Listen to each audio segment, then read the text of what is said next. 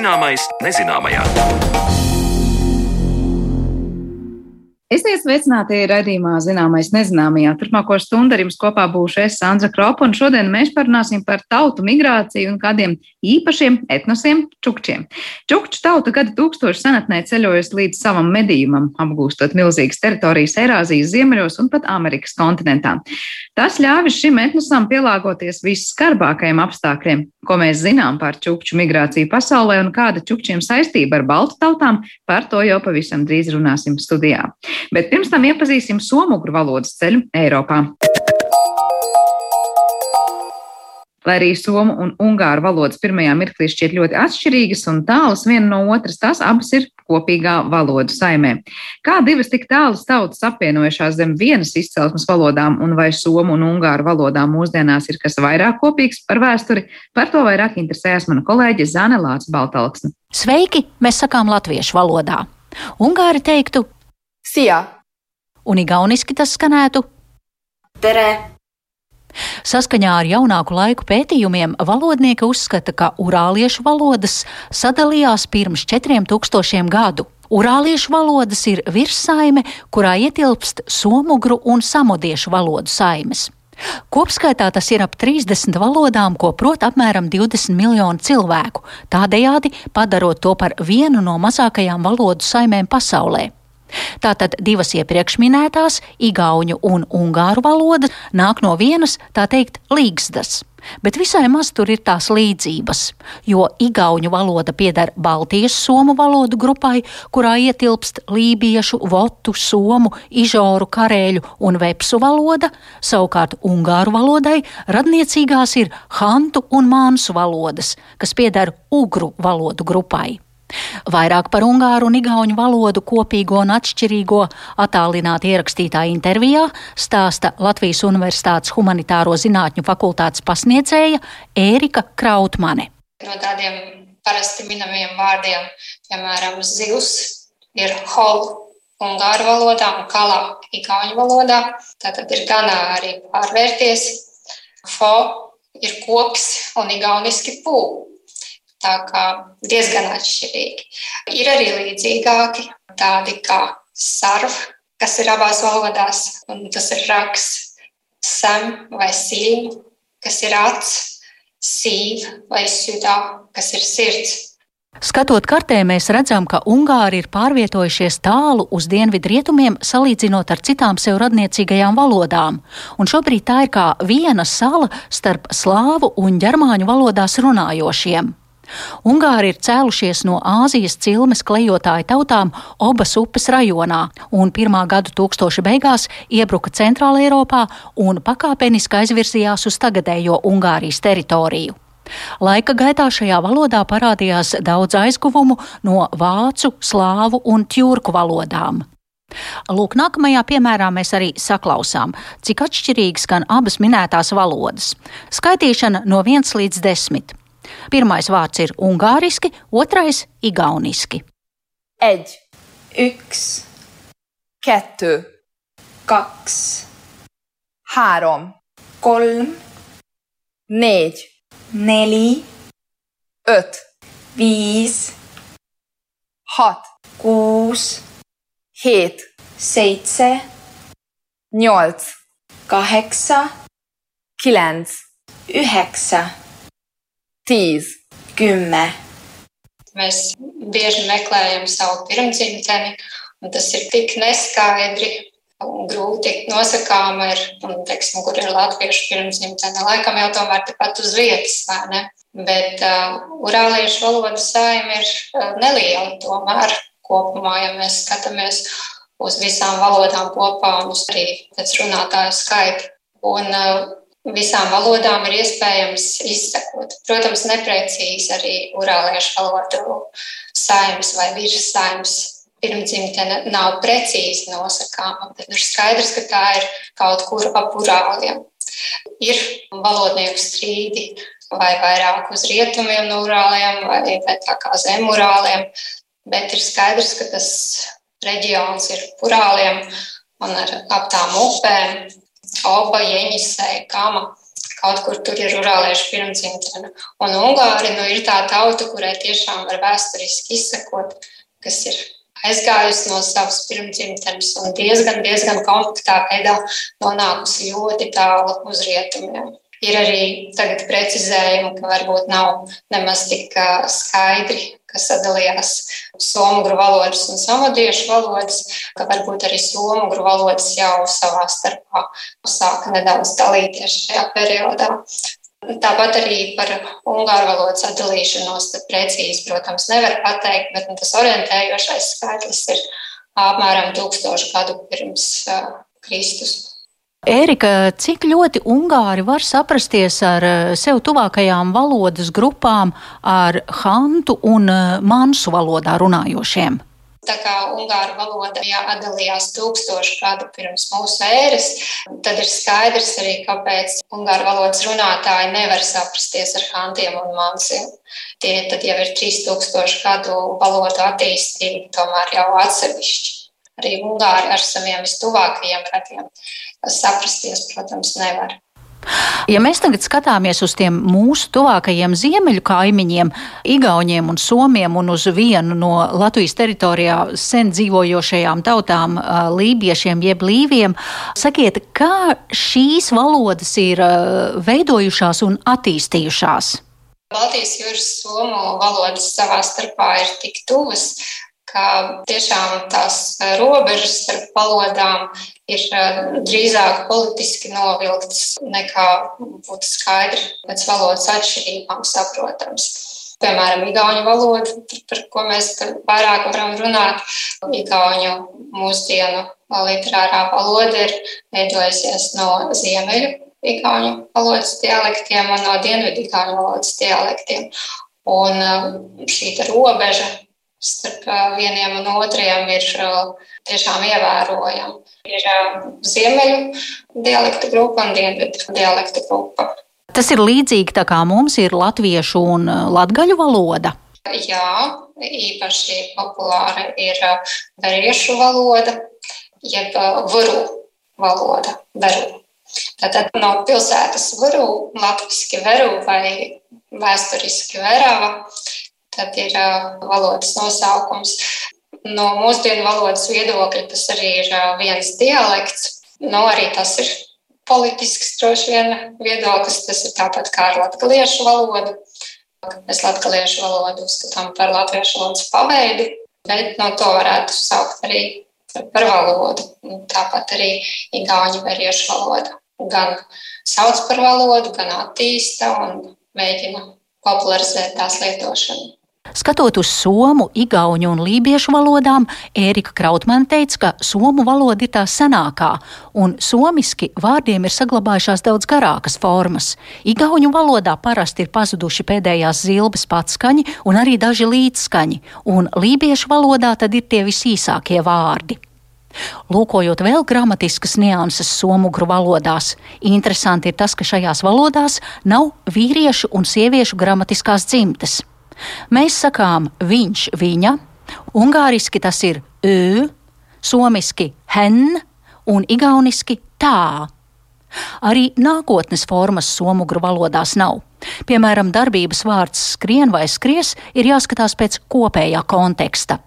Somugru valodās nav dzimtas kategorijas, tas ir tīri gramatiskas dzimtas kategorijas.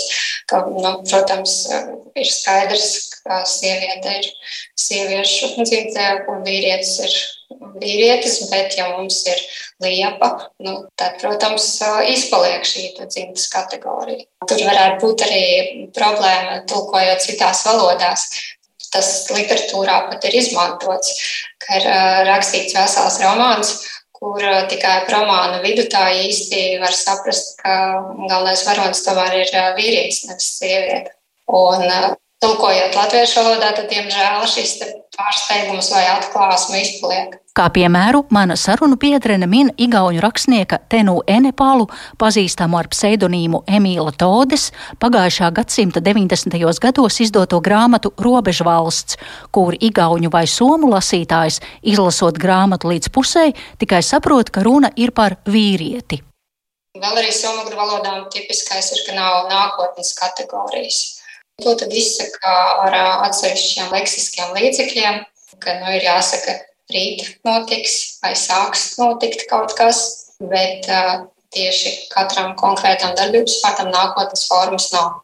Tā kā jūs pasniedzat Latvijas universitātē somugru valodas, sakiet, cik viegli vai grūti tās ir apgūstamas mums, latviešiem, nu, ja, piemēram, mēs salīdzinām ar angļu valodu? Parasti arī studentiem saku, ja valodā ir sarežģītāka vocīšanas sistēma, tad grūti ir mācīties no sākuma. Noteikti angļu valodu ir vieglāk mācīties iesācējiem. Un ar somu un igauņu valodu ir krietni jānopūlas, jo uzreiz, tikko mācāmies vārdiņu, tad uzreiz vajag mācīties arī pamatformas, jo notiek dažādas izmaiņas saknē piedēkļos.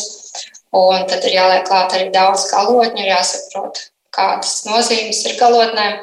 Bet, nu, tad, kad tas pamats ir apgūts, tad, manuprāt, jau lasot sarežģītākus tekstus un, un strādājot ar valodu jau niansētāk, šādas valodas ir taisnīgi vieglāk izprotamas nekā angļu valodā varētu būt ļoti daudz idiomu tieši, un pēc tam augstākā līmenī varbūt paliek neskaidrāk.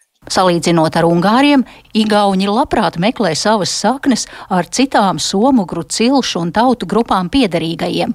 Savukārt Ungāri savu identitāti labprātāk saistā ar Austro-Ungārijas ķeizaristas laikiem. Ungāri labāk atceras karalisko vēsturi, ne nomadu laikus, tā teica Erika Krautmane. Ar to arī izskan nelielais ieskats somugru valodās. Es saku uzredzēšanos, Igauni teiktu Hedaga, Savukārt Ungāri visādi lētašrā.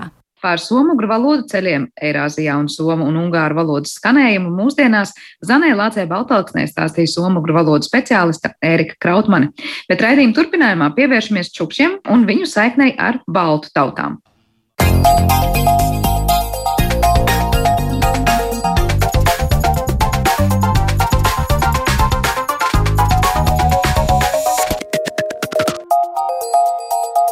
Zināmais nezināmajā. Čukču tauta gada tūkstošu garumā ir spējusi izdzīvot pašos skarbākajos apstākļos un adaptēties dzīvē pat divos kontinentos. Viņu izdzīvošanas un adaptācijas stratēģijas, kā arī plašā migrācija, ir interesants pētniecības objekts arī mūsdienu zinātniekiem, un par to arī šodien plašāk mēs runāsim ar Latvijas Universitātes asociēto profesoru Indriķu Kramu. Labdien! Labdien! Es saprotu, ka Igaunijas genoma centrs ar saviem pētījumiem diezgan ciešā sasaistē darbojas arī ar jums un vismaz ir raisījis interesi. Gan eh, viņiem ir interesanti, ar ko nodarbojaties jūs, un jums savukārt ir interesi par to nodarbojas Igauni kolēģi. Un arī jūsu līdzinējie pētījumi par cilvēku un cilvēku attīstību ir vainagojušies ar to, ka nu, šodien mēs esam nonākuši pie tādas ļoti, liekas, Latvijā atsevišķināts tēmas, kā par čukču tautas tematiku runāsim. Un tomēr Igauni to ir pētījuši sīkāk. Kāpēc tā un ko daudz un kāpēc pēta šobrīd par čukčiem? Cik tuvi čukči ir Igauniem? Uh, tad tā lieta ir tāda, ka uh, ir somu-ugru uh, tā valodu grupa vai dzimte, kā viņi tur pareizi saucās, valodnieki noteikti man, man varēs palabot. Tad, um, uh, un ja jūs saprotat to, ka jūs piedarat somu-ugriem, aha, kas tie tādi somu-ugri? Nu, tad, tad ir somi, tad, tad ir sāmi, nu, tad, tad ir, ir, um, grupas, kurām, kuras, kurām, kuras ir raksturojams ar, ar savu valstiskumu. Ungāri, ja, ir grupas, kas ir raksturojams ar valodas, kurām nav sava, vai nu, teiksim, cilvēku grupas, kurām ir valoda, bet kurām nav savu valstu. Kas tie tādi ir? Nu, tie noteikti ir kaut kādi tur, tur karēļi, tad, tad pieminēties sāmi, manuprāt, es pieminēju viņus. Tad ir, ir komī, ir mordovieši, ir, un mēs aizējām finālā līdz tādām grupām, kā nu, čukči nav gluži, kas saka, arī ne, nepieder tik jau somu ugriem tik, tik lielā mērā, lai mēs viņus definētu, bet, bet tad no valodām mēs sākam domāt, ah, tie ir mūsu radinieki, ok, ļoti labi, viņi izskatās kaut kā tomēr savādāk nekā mēs. Pēc tam sākās cilvēku genoma pētījumi, Un tad mēs sākam skatīties tā, mm, ir lietas, kas mums ir radniecīgas, kas mūs padara vispār par radiniekiem, ir lietas, kuras, kur mēs atšķiramies. Un tāpēc, sākot pētījumus ar valodām, viss beig, beigās aiziet līdz gēniem.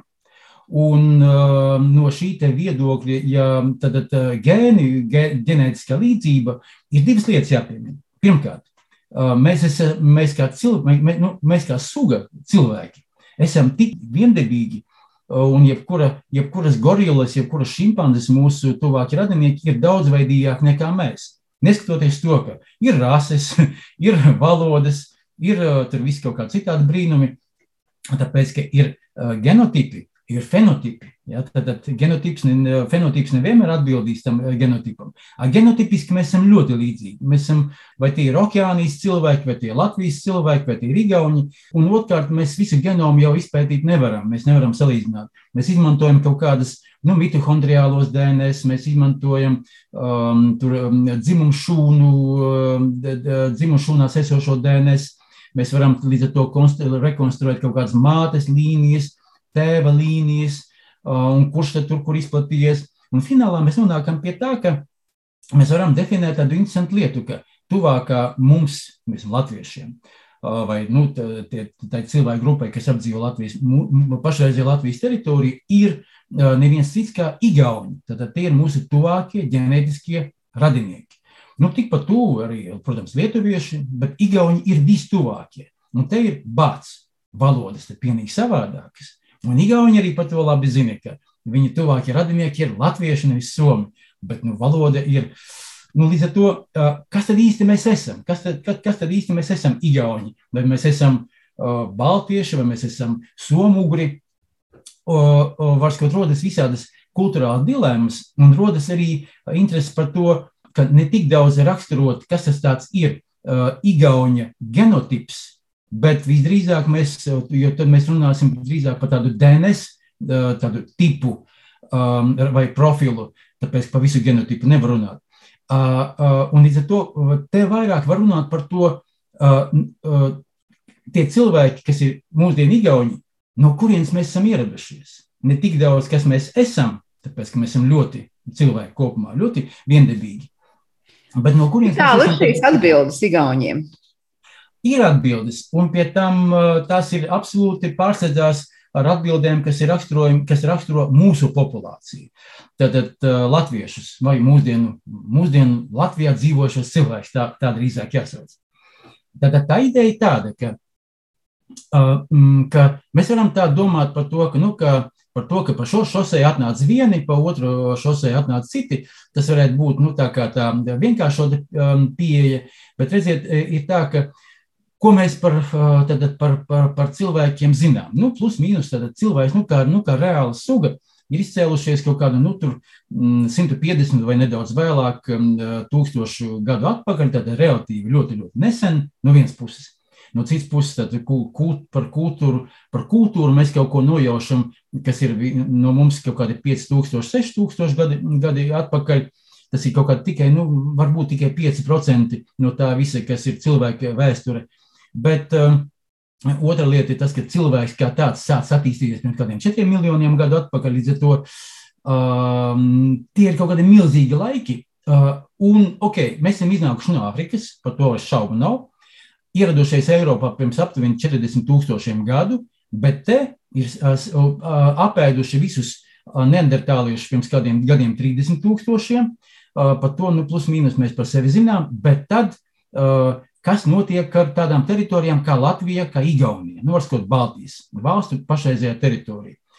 Apjums kaut kādiem, ja es kaut ko nejaucu, pirms gadiem, kaut kādiem 25 tūkstošiem ieradās milzīgais ledājs, kas te visu, visus cilvēkus un visus pārējos, kas te dzīvoja, izdabūja ārā.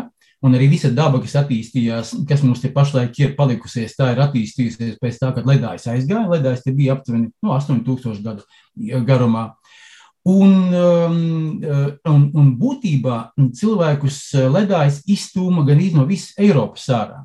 Eiropā cilvēki palikās nu, kaut kur tur mūsdienu Francijas uh, ziemeļ, rietumos, Iberijas kaut kādā tur tajā puscelas, kaut kādā noteiktā teritorijā, kā arī mūsdienu Ukrainā kaut kur starp Donu un Dņestru. Un tur tie cilvēki izdzīvoja, ļoti labi izdzīvoja, Cilvēki, protams, palikās Ziemeļāfrikā, cilvēki palikās Indijā, mūsdienu tajā Turcijas teritorijā, Anatolijā bijušajā. Un līdz ko ledājs atkāpās, cilvēki sāka apgūt tās teritorijas. No kurienes tad ieradās cilvēki šeit? Cilvēki no, no tā Donas un Dņepras, kur, kur, viņi bija paglābušies no ledāja, atnāk uz mūsu teritorijām, bet vienlaicīgi notiek vēl vairāki migrācijas viļņi. Varbūt čukši kaut kādā brīdī, aptuveni pirms 5000, pirms 6000 gadu, nodalījās no mūsdienu baltiešiem, Igaunijas ieskaitot, Somugrus ieskaitot, un aizgāja, aizmigrēja milzīgā tempā, ļoti ātri uz tām teritorijām, kas to brīdi bija daļai tukšas. Daļai tukšas bija tieši gar to, to te, tajā šaurajā joslā, kur visu laiku atkāpās ledājs. Tāpēc, ka uz dienvidiem, uh, Dienvidu Sibīrija bija jau cilvēku aizņemta. Tāpēc, ka cilvēki, atkāpjoties ledājiem, uh, virzījās um, un, un, un bija saglabājušies nu, tajā, tajā Ķīnā, bija uh, varbūt tajā teritorijās, kas ir, kas ir Centrālā Āzija, tā teritorija, kur, kur ledājs atkāpās, tur tie, tie cilvēki devās un, un nokļuva līdz pat Čukotkai. Tur viņi apmetās uz kādu brīdi, un pēc tam daļa no viņiem aizgāja uz Ziemeļameriku. Tātad uz šo brīdi ir tā, ka, ka kaut kas reizēm liek cilvēkiem migrēt drausmīgi lielā attālumā, ļoti ātri tad Igauni, tad Igauni un Latvieši, Lietuvieši paliek šeit, nu, vai ap Maskavas reģionu kaut kur tur un migrē lēnā garā. Paskot, Balti bija kādreiz izplatīti ļoti plaši, kā jūs zināt. Ja? Viena daļa aizgāja tur, kur teritorijas atbrīvojās, un tie bija arī čukči un iespējams vēl daudz citas ziemeļu tautas, kas ģenētiski mums ir ļoti, ļoti līdzīgas. Fenotipiski nemaz. Kā jau teicu, fenotips un genotips Tas ir tas, kas mūsdienu zinātnē būs ļoti karsts temats kaut kad ļoti, ļoti drīz. Jā, katrā ziņā nu, tur būs tā, ka savus radiniekus varbūt ģenētiskos mēs nebūtu tā neatpazīsim, jo liksies, ka esam ļoti, ļoti atšķirīgi. Bet par pašiem čukšiem runājot, es saprotu, ka ir tāda nu, tā divu veidu tā iedalījums, ka tie, kas dzīvoja vairāk un medīja ziemeļbriežus un sekoja vairāk ziemeļbriežiem, tā kā vairāk iekšējā teritorijā, kontinentāli dzīvoja, un tad tie, kas bija vairāk pie krasta un vairāk uz jūru orientējās, eh, bija, bija var teikt, tā kā pilnīgi cita veida cilvēki. Viņi paši ļoti atšķirās savstarpēji. Es domāju, ka nē, par, ģenē, par čukšu ģenētiku es jums nevaru neko īpaši daudz pastāstīt, un to kāda ir saistība starp, starp, starp varskot, nu, tām cilvēkiem, kas dzīvo tajās divās teritorijās. No vienas puses, Čukotka ir milzīgs reģions, tā ir, nu, praktiski kā Skandināvija pēc, pēc teritorijas. No citas puses, tur, piemēram, mūsdienās dzīvo tikai 50 tūkstoši cilvēku. Tā ir viena Jelgava. Piedzimst uz šo brīdi kaut kad laikam kādi, nu, kaut kādi nedaudz pāri pa 600 bērniem vispār dzimst. Tāpēc es domāju, ka gan jau, ka, ka tā cilvēku tā plūsma starp krastu un iekšzemi bija pietiekami liela, un gan jau, ka cilvēki pārsvarā dzīvoja iekšzemē, jo, principā, tie, kas ir bijuši čukotkā, tie zina, ka tā ir īstenībā absolūti negaidīts reģions, varbūt jums pavērsies pavisam negaidīta teritorija, ko, ko jūs negaidiet, tāpēc, ka tā ir kalnaina teritorija. Tā ir bez kokiem, Tās ir melni kalni, tās ir melnas smiltis jūrmalā, jūrmalā nu, okeāna krastā. Tur ir vulkāni, jā, varsko, tā ir, kas ir bijuši Kamčatkā. Tā ir Kamčatka tikai vēl mazāk, tikai vēl mazāk koku. Tāpēc dzīve ļoti skarba, un visdrīzāk, ka dzīve, visi čukču dzīve, tomēr vairāk vai mazāk saistīta ar jūru. Tāpēc, ka, nu, zivis, um, tur tā tie valzirgi un uh, brieži, un brieži jau arī pavasarī grib dzīvot pie jūras, uh, nevis, nevis um, uh, tur, kur ir vairāk vējš. Un turklāt čukotis, starp citu, ir daudz vējaināk vieta, nekā mums varētu arī likties. Tāpēc um, uh, Uh, lūk, uh, cilvēks uh, ar baltiešu, tāda, tāda, ar cilvēku, čukši, tāda, cilvēki ar baltiešu ģenētisko tādu profilu demonstrē zilus brīnumus, um, adaptējoties un, um, un spējot jau, jau pašā sākumā pieņemt daudz skarbākus apstākļus nekā tas bijis citur. Tas, no, tas arī varbūt arī parāda to, ka Nezinu, Latvieši, kad bija, spē, bija spiesti emigrēt nu, otrā, pasaules kara beigās uz Ameriku, uz uz Austrāliju, visur kaut kur citur, demonstrēja tādu mm, adaptēšanās brīnumus, jo, kā jūs zināt, pēc otrā pasaules kara tie nebija ebreji. Uh, tie nebija kaut kādi citi, kas, kas vislabāk iekārtojas Amerikā uh, un ieņēma tur ļoti svarīgas pozīcijas, sevišķi profesūrā. Tie bija latvieši, kas, kas vislabāk tur iekārtojas. Tāpēc, Vai nav tā, ka šajā brīdī mēs varam teikt par katru tautu, nu, tomēr līdzīgi, ka bija kādi, kas ļoti labi pielāgojās apstākļiem, ļoti skarbos brīžos, un mēs nevaram nu, īpaši izcelt tomēr nu, baltiešu šajā kontekstā? Mēs varam teikt tā, ka, ka mēs, ka tad, tad, tad, visas tautas, kas dzīvo it sevišķi tādā ziemeļu un sevišķi ziemeļu austrumu reģionā, nu, Eiropā, es domāju, plus vēl, protams, arī Eirāzijas ziemeļus, mēs visi esam plus mīnus vai, vairāk vai mazāk līdzīgi. Un mēs um, da, esam spiesti dzīvot uh, bieži vien skarbos apstākļos. Uh, latviešiem vien, vienmēr bija tā problēma, ka te vēl notikās kari. Ja? Ja tur, piemēram, kaut kur, nu, skaidrs, ka, ka, ka Krievijas impērijas laikā ziemeļos notika arī ļoti liels gen, cilvēku genocīds. Bet um, tas, ko uh, no vienas puses ir tā, ka ziemeļos cilvēki dzīvojot, tomēr izspiesti demonstrēt daudz lielākus adaptāciju brīnumus nekā tad, kad tie dzīvo dievidos. Kā ir ar šīm fizioloģiskajām īpatnībām un arī prasmēm, ja mēs par čukčām runājam? Nu, kas ļāva tik ļoti dažādos reģionos arī labi pielāgoties, jo es saprotu, nu, viņi tāpat neapstājās vienmēr uz vietas, viņi aizmigrēja un dzīvoja vienā brīdī divos kontinentos. Uh, Kas, jūsuprāt, ir tās galvenās lietas, kas ļauj tik veiksmīgi varbūt, nu, būt tādiem izdzīvošanas meistariem? Pašlaik ir ļoti populāra tēma bioloģijā, un gan jau ka dabas aizsardzībā ir sevišķi tāds karstais kartupēlis, var teikt, invazīvās sugas. Ka pēkšņi uzrodas kaut kādas jaunas sugas, Un īsnībā par šādām sugām jārunā tādā arī tautu izplatīšanās kontekstā. Tad izplatīšanās ir dispersija. Kaut kādā brīdī kaut kas sakrāvā čemodānus un aizlasās, kas saka, projām uz kaut kādām neapgūtām teritorijām. Un tātad kopumā šī te, tas, ko ļoti tādā vulgārā terminoloģijā manis nosauktā aizlasīšanās projām raksturīga arī cilvēkiem, ir sevišķi jaunā, sevišķi tādā jaunā vecumā.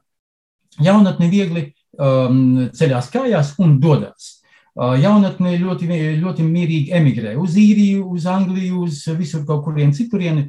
Um, un, um, un tas ir ļoti tipiski. Tad, kad tu neesi īsti piederīgs un vajadzīgs uh, savā teritorijā, it sevišķi tad, kad te, te, tā teritorija ir pārapgūta. Uh, piemēram, es pieminēju to vietu, kur ledāju laikmetā starp Donu un Dņepru, tad mūsdienu Ukraiņas teritorijā, cilvēki saglabājās. Bija tāds anklāvs, kurā cilvēki saglabājās.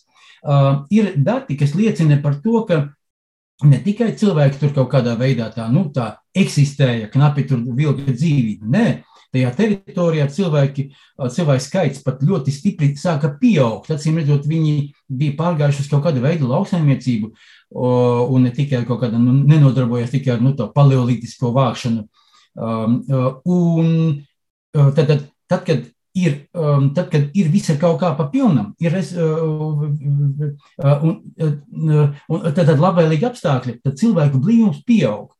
Un jaunatnē īstenībā tādos, tādos apstākļos nav īsti vieta, un tāpēc jaunatne reizēm dodas uz kaut kādām pilnīgi mežonīgām vietām. Atcerieties, padomu laikā bija tas sauklis, ka jābrauc bamu būvēt, ja, Baikāla, Amūras maģistrāli. Nu, liekas trakums, nu, tur pilnīgi jukušiem cilvēkiem bija jābūt, bet uz turieni aizbrauc ļoti daudz no Latvijas.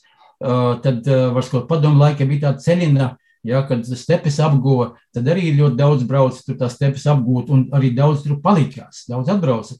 Un, uh, un uh, pie, pie, tad ir pieauguši cilvēki to nekad nedarīja, to darīja jaunieši. Un tāpēc uh, invazīvi ir tie, kas ir pietiekami agresīvi, ja viņi ir jauni, viņiem nav ko zaudēt, viņi dodas apgūt jaunas vietas. Un tāpēc, tad, tad, kamēr tu esi jauns, agresīvs, spēcīgs, um, vitāls, tikmēr tu, um, tikmēr tu um, savu, uh, savu uh, laimi būdiņā atradīsi, tu uz, uzbūvēsi ar plikām rokām um, baļķu būdas bez naglām, tu uzbūvēsi zemnīcas, tu uzbūvēsi, nezinu, pieradināsi briedi un, un ko tik neizdarīsi. Uh, kamēr tu esi jauns, skaists, enerģisks un, un vari darīt trakas lietas. Es domāju, ka kaut, kas, kaut, kaut kā tā tas jāskaidro. Nu, līdzībās runājot, kā jūs jau iesākāt, neveltīgi par šīm invazīvajām sugām, saka, jā, ir tas, kas ir spējīgs doties prom un tad izdzīvot skarbajos apstākļos, varbūt un izturēt kādas slimības. Būt agresīvs citas lietas daudz, varbūt nu, vairāk nekā, nekā tie, kas ir pieraduši dzīvot tādās, varbūt, komforta zonā. Bet cik lielā mērā ir zināms par to, vai tie, kas savulaik pirms tiem 4-5 tūkstošiem gadu aizemigrēja, ģenētiski vai, vai kā citādi šobrīd ir ļoti mainījušies, vai var teikt, nu, viņi ir tā, tā kā izolējušies un palikuši tur nu, līdzīgāki tiem cilvēkiem, kādi arī šeit bija pirms tiem daudziem tūkstošiem gadu? Tātad, hm, kā jau teicu, mēs nevaram izanalizēt visu genotipu, genomu kā tādu, jau nu raksturot to, to ka, ka viena tauta vai otra tauta vai, vai cilvēku grupu genotipiski tik ļoti. Mēs varam izskatīties šobrīd Nu, kaut gan genoms ir nu, tas, ko nolasīts, un mēs zinām, ka, ka, ka no, kāda, no kāda veida gēniem tad, tad, um, sastāv um, mūsu genoms.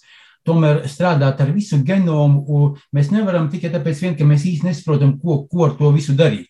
Bet uh, fakt, uh, fakts ir tāds, ka, jā, un tad vēl viena lieta, genoms kā tāds viņš, uh, un, uh, un populācija genotips nemainās tik ātri. Ir jānotiek evolucionārām izmaiņām.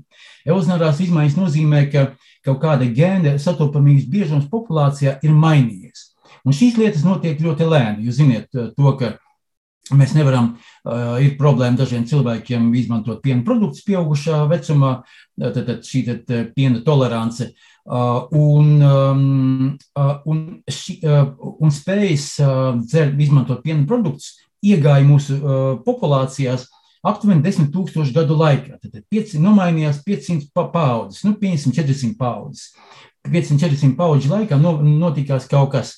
Tas sākās pirms 10 tūkstošiem gadu, un skatieties, kas notiek. Ja, ja, tie cilvēki, kas šobrīd ir čukši un kaut kādi citi tur ziemeļu tautas, starp citu, korjaki, um, uh, it, itelmeņi, tad, um, tajā Kamčatkas pussalā, tie arī ir, ir tie, kuriem ir mūsu raksturīgās tās tēva līnijas, ja, Y chromosomas.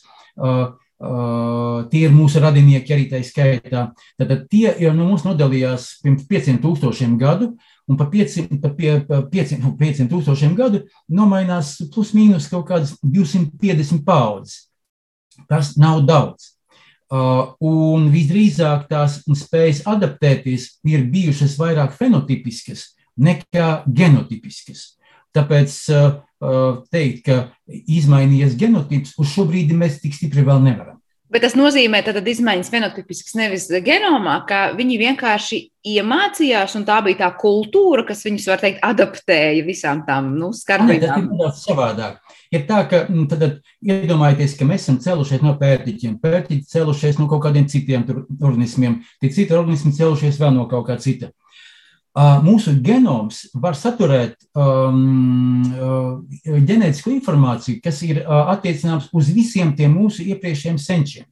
Līdz pat, nezinu, rāpoļiem vai vēl kaut kam citam. Nu, teorētiski.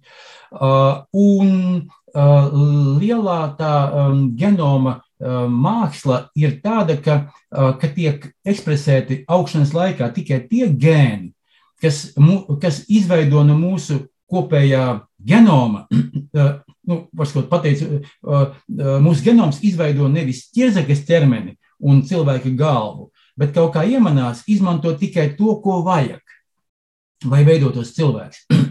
Tātad tas kopumā nozīmē, ka mm, nerunāsim par cilvēkiem un dinozauriem pāriem, kas varētu būt mūsu genomā iekšā, bet mēs runāsim par tām kaut kādām uh, fizioloģiskām adaptācijām, kurās mūsos pat uh, potenciāls nauž. Un tad fenotipiskā genoma, fenotipiskā izpausme ir tās, uh, un tad uh, čukču un korjauku atšķirības no mums ir tas, ka uh, viņi savā attīstības laikā, savas augšanas laikā, savas individuālās, tad, nu, ontoģenēzes laikā, tad bērniņš piedzimst. Tad māte viņu iznēsā. Māte atrodas kaut kādos noteiktos apstākļos kur pūš vējš, tur, tur zeme temperatūra, jāiet jēla gaļa, ir ļoti ilga polārā nakts. un tas jau ietekmē jau tā embrija, tā, nu, kas saka, augļa um, genoma darbību tā, ka viņš sāk fenotipiski attīstīties, lai kļūtu adaptēts vietējiem apstākļiem. Un tāpēc uh, tas ir par to, ka kā genoms zina, uh, kādam ir, uh, kādam, uh, kādu organismu viņam ir jātīsta, tā, tā, tā ir tā fenotipiskā attīstība, kas notiek ne tikai starp attīstības starp fenotipu un genotipu, bet visu laiku tur apkārt ir um, vide. Ja? Un tie, ja tā ir tā lieta, mm, kad, ka, nu, piemēram, pašlaik mēs pieskaramies šīm tēmām tikai viegli, viegli ar to, ka mēs saprotam, ka genotips kaut kādā veidā eh, reizēm nosaka slimību attīstību. Ka, ja kaut ko mēs ma varētu mainīt tur, bērnu attīstības gaitā, jau sākot ar to, kamēr viņš jau ir mātes miesās, iespējams, ka tādu vai šādu slimību nemaz nebūtu vai, piemēram, mēs nokļūstam vidē, kurai mēs neesam vispār adaptēti. Piemēram, uh, nu, manas paudzes cilvēki, nu, tiksim, mana vecuma cilvēki, uh, vai, vai tie cilvēki, kas piedzima uh, neatkarīgās Latvijas pašā sākumā. Viņi saprot uh, to no, no bērnības, ka, ka uh, var būt arī bada laiki, var būt slikti laiki. Un tad, tad nokļūstot, izaugot, uh, uh, izveidojot organismu, kas ir adaptēts sliktiem apstākļiem, mēs nokļūstam finālā Latvijā, tādā, kādā mēs pašlaik esam, kur katram uz, uz ielas ir Mercedes džips, kur vispār veikalu skaits pieaug neprātīgā veidā un jābēg no ēdiena vispār, ko nagi nes. Un tā ir ļoti īpaša tēma. Mēs esam evolūcijas gaitā izveidojušies kā skrējēji. Mēs esam izveidojušies kā tādi, kas praktiski nesēž. Mēs, jo vecāki kļūstam, jo mums vairāk jākustās, tāpēc, ka mēs esam tādi nu, izveidojušies pēc genotipa. Fenotipiski ir tā, ka mēs nokļūstot labos apstākļos, bet ķermenis ir adaptēts sliktiem, sliktiem apstākļiem. Mēs sākam ēst neprātīgā apjomā, mēs aptaukojamies un vispār nesaprotam, ko tālāk darīt. Mums ir diabetes, schizofrēnijas un viss vispārējais. Par šo tēmu tiešām mēs varētu daudz runāt, jo tā ir tās tiešām interesantā un ļoti plašā sasaiste ar to, kāda ir vidas ietekme uz to, kādi mēs veidojamies un kādi mēs pēc tam dzīvojam. Bet, ja mēs vēl mazliet parunājam par šo te, šīs raidījuma sarunas tēmu, par šo čukču nu, attīstību un, un to, cik ļoti esam radniecīgi, neesam radniecīgi. Man tomēr jautājums, jūs teicāt, ģenētiski mēs visi esam ļoti, ļoti patiesībā viendabīgi un līdzīgi lielās līnijās, un tad ir tas fenotips, kas ļoti atšķirās, un tās vides, kas, var teikt, ir likus tam genomam izveidot to nu, ķermeni, kas būs gatavs cīnīties ar augstumu, vēju un, un būs spējīgs ēst jēlu gaļu.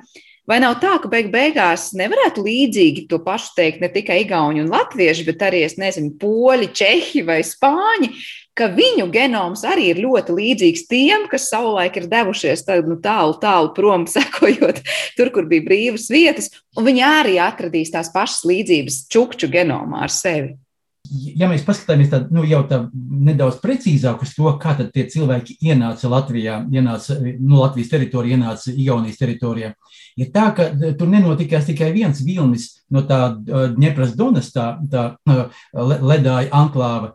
Ienāca arī um, divu, vēl divu veidu migrācijas. Viena veida migrācija bija tāda, ka ka ieceļoja cilvēki no, no tās Anatolijas, no tām Irānām, no, no Indijas teritorijas. Tad mēs par to esam jau sen dzirdējuši. Mēs esam indo-eiropiešu valodu saime. Uh, un tas viss, protams, uh, jo, jo, jo tie cilvēki, kas, uh, kas dzīvoja tur, tajās teritorijās, kas tu pieminēji, Viņi izgāja no paleolīta uh, agrāk, tāpēc, ka nozīmē, ko nozīmē neolīts. Neolīts nozīmē, ka tu pārēji uz, uz lauksaimniecību, ka, tu, ka tev jau ir lopkopība, tev ir zemkopība. Uh, un, uh, un tad, līdz ar to, kamēr mēs vēl dzīvojam šeit neolītā, tas ir paleolītā, viņi dzīvoja jau neolītā. Uh, ja tev ir lielāki barības krājumi, tu, protams, vari vairoties vairāk.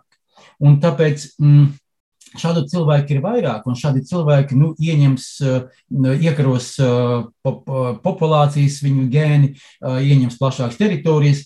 Bet vēl notika vēl viena veida migrācija. Ir noskaidrojies to, ka aptuveni 12, 15 tūkstoši gadu atpakaļ notikās tā, ka cilvēki no Ķīnas teritorijas, no austrums, no Dienvidu Sibīrijas devās pretēji pulksteņa rādītāju virzienam, kaut kur tur um, arī tādā stipri ziemeļu um, līmenī uh, pāri Urālu kalniem un atceļojuši šeit.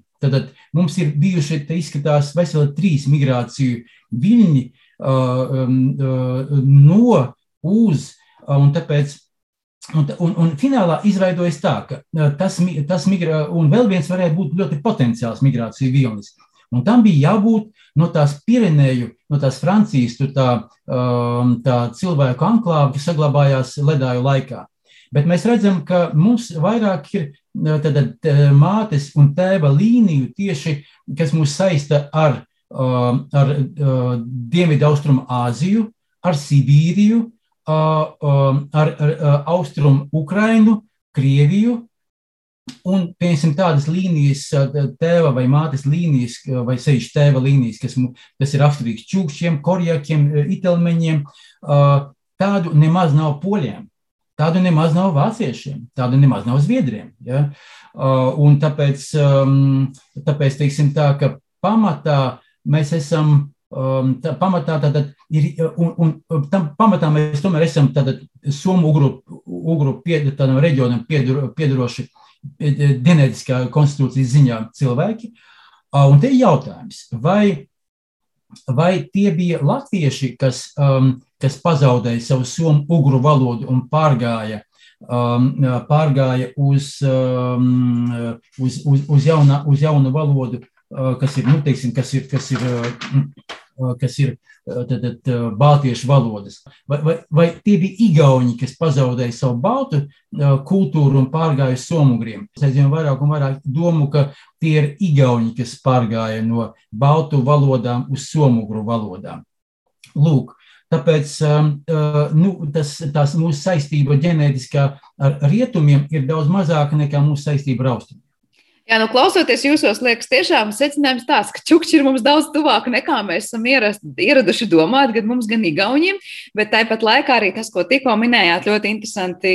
Tiešām varbūt ir palūkoties uz to, kādas ir veidojušās tās mūsu un igauņu savstarpējās eh, radnieciskās attiecības, eh, kurš nu kuram ir bijis tuvāk un pārgājis varbūt kādai citai valodu grupai pēc tam piederīgāks. Lielas jums paldies par šo sarunu. Tiešām jautājumu daudz, par kuriem liekas ļoti saudabīgi aizdomāties šajā ikdienas situācijā un dzīves situācijā domājat par to, kas tad īsti ir igauņi vai kas tad īsti esam mēs latvieši. Un tiešām bioloģija un ģenētika šajā ziņā var sniegt pārsteidzošas atbildes. Latvijas Universitātes asociētais profesors Indriks Krams ar mums šodien bija kopā šajā raidījuma sadaļā. Teikšu jums lielu paldies par kopā būšanu kaut vai attālināti ar mums šajā dienā. Par šo raidījumu parūpējās producenta Paula Gulbinska un mūzikas redaktors bija Girds Bišs. Savukārt ar jums kopā es Sandra Kropa būšu atkal rīt šajā pašā laikā. Visu labu!